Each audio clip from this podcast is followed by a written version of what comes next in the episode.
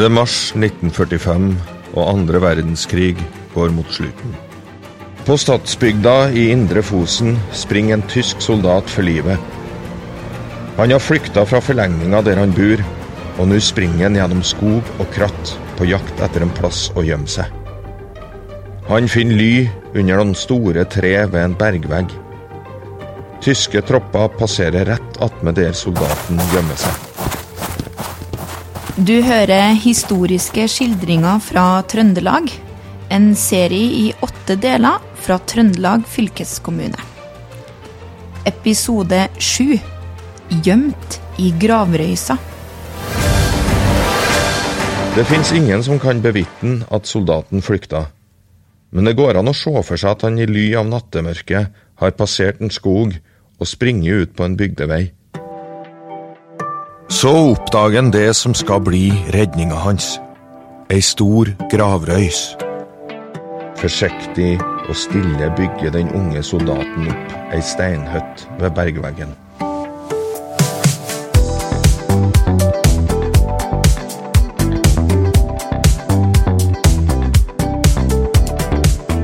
Han bruker noen stokker som takåser. Over dem trekker han rester fra en fallskjerm. Han vet så inderlig vel at døden venter om han oppdages. Ei kul i panna er straffen for desertering. De traumene og redslene som soldaten gjennomgår nå, kan vi ikke forestille oss. Bare 80 meter unna gjemmestedet i Gravrøysa ligger bygdeveien, hvor det ferdes både lokalbefolkning og tyske soldater. Det er kaldt og vanskelig å sove. Sovner han, kommer marerittene om tyske schæferhunder som vil lukte seg fram til han.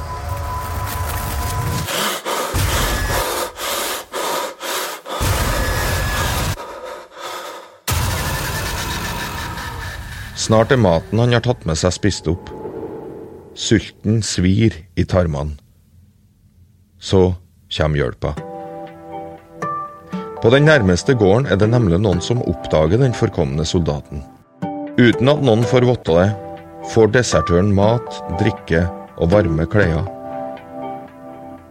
Således berger han livet helt fram til 8. mai 1945.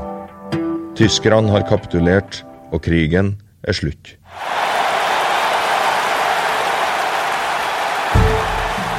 I dag er de store gravrøysene på Slakken i Indre Fosen mest kjent som gravminner over kjente og kjære. Her ble de døde lagt i røys en gang i eldre jernalder for mer enn 1500 år siden. Gravrøysene er godt synlige fra sjøen. For sjøfarende skulle røysene være et signal om at hen burde folk inn på land. Samtidig kunne de døde som bodde i haugene, skue utover sjø og land, og på den måten følge med på det som foregikk. Folkene som for lenge siden bar stein til gravrøysene, ana ingenting om at noen av steinene skulle redde en soldat langt inn i framtida.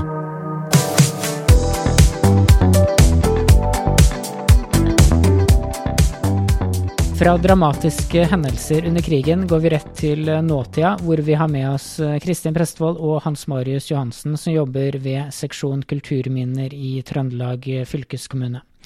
Og hva tenker dere om denne historien? At en soldat har gjemt seg på denne måten og kanskje berga livet. Er det virkelig sant? Det, har, det er nok eh, sant fordi at eh, den personen som redda eh, desertøren eller den tyske soldaten, han eh, skrev ned historien. Så den er gjenfortalt av eh, en av lokalbefolkninga i statsbygda. Og, eh, og hvor det ble av den soldaten etterpå, etter 8. mai og freden og friheten, det Han kom aldri tilbake igjen til Norge. Vi vet ikke hvor det ble av ham i Tyskland etterpå. Men at han redda livet til frigjøringa, til etter frigjøringa, det gjorde han. Mm. Men det er ingen som har forska noe på hvor det har blitt av denne soldaten? Nei, vi har snakka om det. Jeg snakka litt med de lokale i Stadsbygda om det her. og Vi vet jo at det var en luftvernstilling på Rødberget, hvor det var tyske soldater. Og så var det jo kystbatteri på Brettingen og på Hysnes som tyskerne overtok fra det norske forsvaret under invasjonen. sånn at teoretisk da, så kunne denne soldaten ha hørt noen av de avdelingene. Så jeg vil nok tro at det finnes kilder på, i et eller annet arkiv på de som, uh, som stakk av fra tjenesten. men det er liksom det å finne riktige arkivet.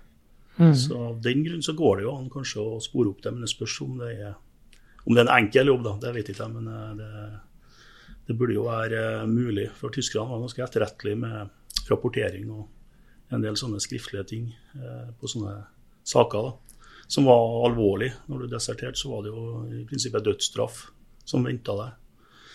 Og vi vet jo også etter eh, frigjøringa 18. mai, så, så, var jo tyskerne var jo her en ganske lang stund før de ble sendt hjem til Tyskland. Og det var jo en del nærmest litt sånn lovløse tilstander i den perioden eh, hvor faktisk tyskerne henretta egne soldater også etter freden. Mm. Sånn at uh, det er en eh, stor arkivjobb eventuelt da, å gjøre for å prøve å finne ut hva som mm. har hendt med denne soldaten. Mm. Men, men, hvorfor er uh, historier som det her så viktig å bevare for ettertida? Nei, altså, det er jo en god historie, og det er jo en spennende historie.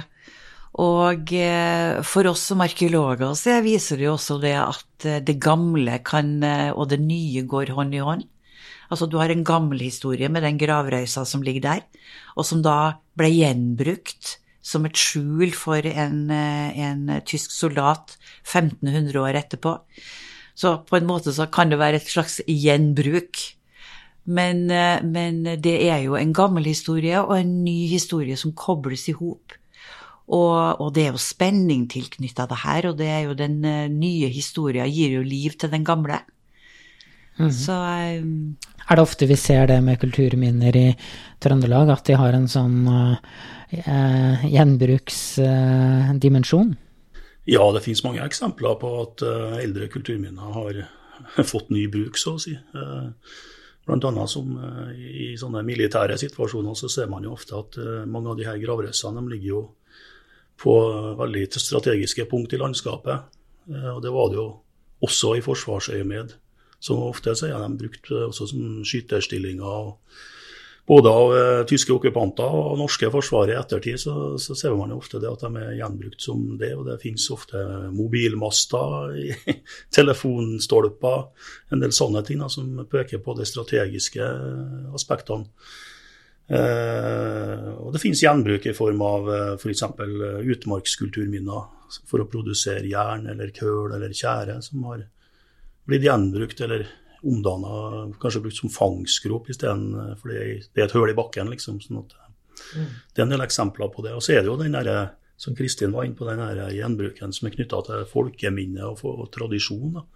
Og sagn. Det, det, ser vi ofte at det, det skapes eh, andre historier knytta til fysiske kulturminner da, som ligger ute i landskapet. Det kan jo være alt ifra ja, nisser og troll og jutuler og altså, som går tilbake i folkeminnet, om at man har tillagt det her eh, spesielle magiske egenskaper, eller rett og slett det vi kaller overtro i dag. da. Men som eh, kunne ha blitt tillagt de her minnene gjennom eh, lang tid. da. Mm.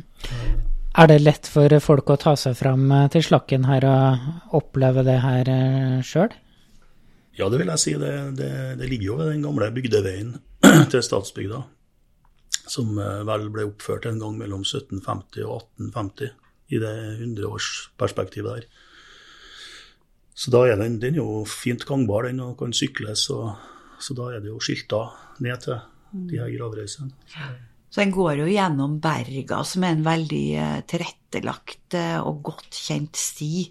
Og Slakken er jo en av 30 tilrettelagte kulturminner eh, i den såkalte perlerekka i det gamle Rissa kommune, som da nå er det Indre Fosen kommune, hvor vi har tilrettelagt 30 kulturminner, og deriblant to-tre faktisk eh, også mindre kulturminneløyper eh, av de 30 i eh, mellom stykket eh, like ved Rørvik eh, ferdigleie, og da inn til eh, Råkvåg innerst i Sørfjorden. Og Trøndelag fylkeskommune har jo en sentral rolle når det gjelder å ta vare på kulturminner, da.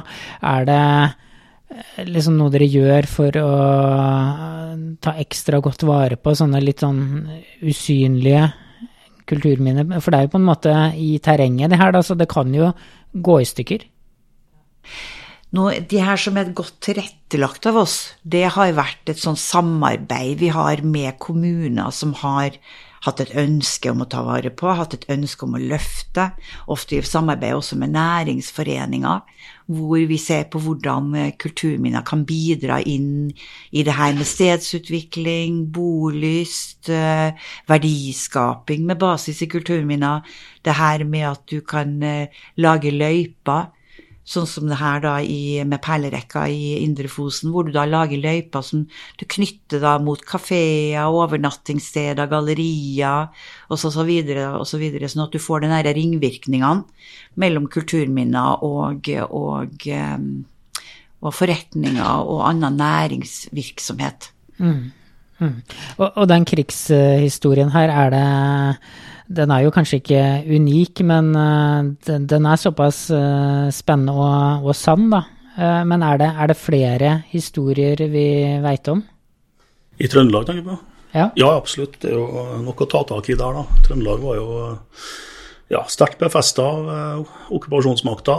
Det jo en, var en enorm byggevirksomhet, så vi har jo enorme mengder spor etter den tyske byggeaktiviteten som det skal jo sies ble ofte utført av eh, sovjetiske og jugoslaviske eh, slavearbeidere. Det må man jo ikke glemme. Eh, så det ligger jo en sånn, si, en sånn etisk dimensjon i det her òg.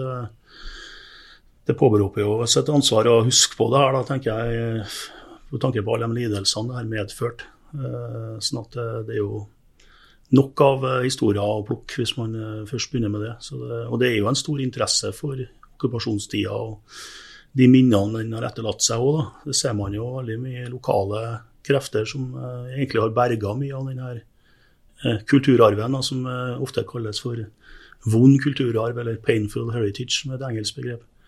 Sånn at eh, det må man jo kanskje påpeke og rette en honnør til de frivillige som faktisk har vist interesse og stått på for å bevare det vi har igjen. Mm. Hva hvis det ikke hadde vært for de frivillige, da? Eh, hvordan hadde dere stått i da, med sånne kulturminner som det? Da tror jeg nok det har vært uh, vesentlig mindre av det. Uh, fordi at det har jo vært en tendens til at det som var etter okkupasjonen, det var jo liksom ikke noe man ville hva skal jeg si, fronte i noe særlig grad av det offisielle forvaltninga. Fordi at det var tysk, og det var en vond historie. og Så det veldig mye ble jo sanert da, av det offentlige og ikke tatt seg noe særlig vare på. da. Så uh, hadde det ikke vært for de frivillige og, som har engasjert seg der, så, så hadde det nok uh, stått uh, enda dårligere til. Så jeg syns jo kanskje det er viktig at man etter hvert begynner å, å komme dem litt mer i møte da, og, og gjøre noe mer ut av det. Da. Mm. Ja. Mm. Men, men, er sånne kulturminner som det her i fare for å Står de i fare for å bli glemt? Ja, altså det, noe gjør jo det, selvfølgelig, for det er så mange av dem. Altså, det var så stort, det her eh, byggeriet. Det har så stort omfang at eh, med stort og smått så er det jo selvfølgelig en del som, eh, som kommer til å bli glemt. Men eh, det, du har jo en del større anlegg som alltid vil være i søkelyset, da, og som folk har et forhold til. Eh, sånn at eh, det er noe med at man alltid er like viktig, eller da, så vi må jo ta et utvalg da, kanskje og, prøve å finne noe som er representativt. Da, sånn at uh, Det blir vanskelig å ta vare på absolutt alt. Uh, men det er klart det er jo som sagt mye kunnskap lokalt da, som, hvor folk har et forhold til kulturminner fra krigen som, som, ligger ute i landskapet. og Som vitner om diverse ting, bl.a. fangevirksomheten til tyskerne. Mm. Fangeleirer og det, og det, De fleste historiene på er jo vanlige folk som, som gikk til fangene og ga dem mat ikke sant, gjennom gjerdet. Og, ja, sånn, så Det er jo ofte sånne historier som, som går igjen. og Det, det sitter jo i, i minnet til generasjonene etterpå. Hva vil dere at folk skal tenke når de beveger seg inn i det området her? Ja, nei, det, det kan være vanskelig å svare på, men, men håper at folk kanskje reflekterer på en annen måte da, over det landskapet de beveger seg i. da. For det her er jo eh, spor etter folk som har bodd i det landskapet før oss. da. Eh, og det er jo et felleseie i dag, det her med de kulturminnene som ligger der. De er jo alles eiendom. skulle jeg si. Alle fortjener å oppleve dem. Så jeg håper jo at det kan spore litt refleksjoner om uh, hvordan det var å være menneske tidligere. Mm. Hva tenkte du første gang du var på Slakken? Da ble jeg litt forundra over den der, den der tufta da, etter den der soldaten. Det hadde jeg jo ikke sett før akkurat på den måten, så det syns jeg var en sånn fascinerende hva skal jeg si, ny bruk av et, et, gammelt gravminne. liksom Opprinnelig et, et gravminne over, over, en død person. og så eh, på ny igjen en tilfluktssted for en, en rømt soldat. Så det syns jeg var litt sånn spesiell kombo.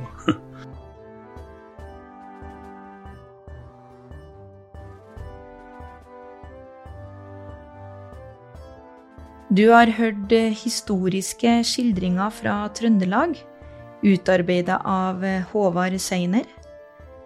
Introduksjon er lest av skuespiller Tore B. Granås. Musikk og lydlegging Kjetil Hustad. Gå til trondelagfylke.no og Fylkespodden for flere episoder.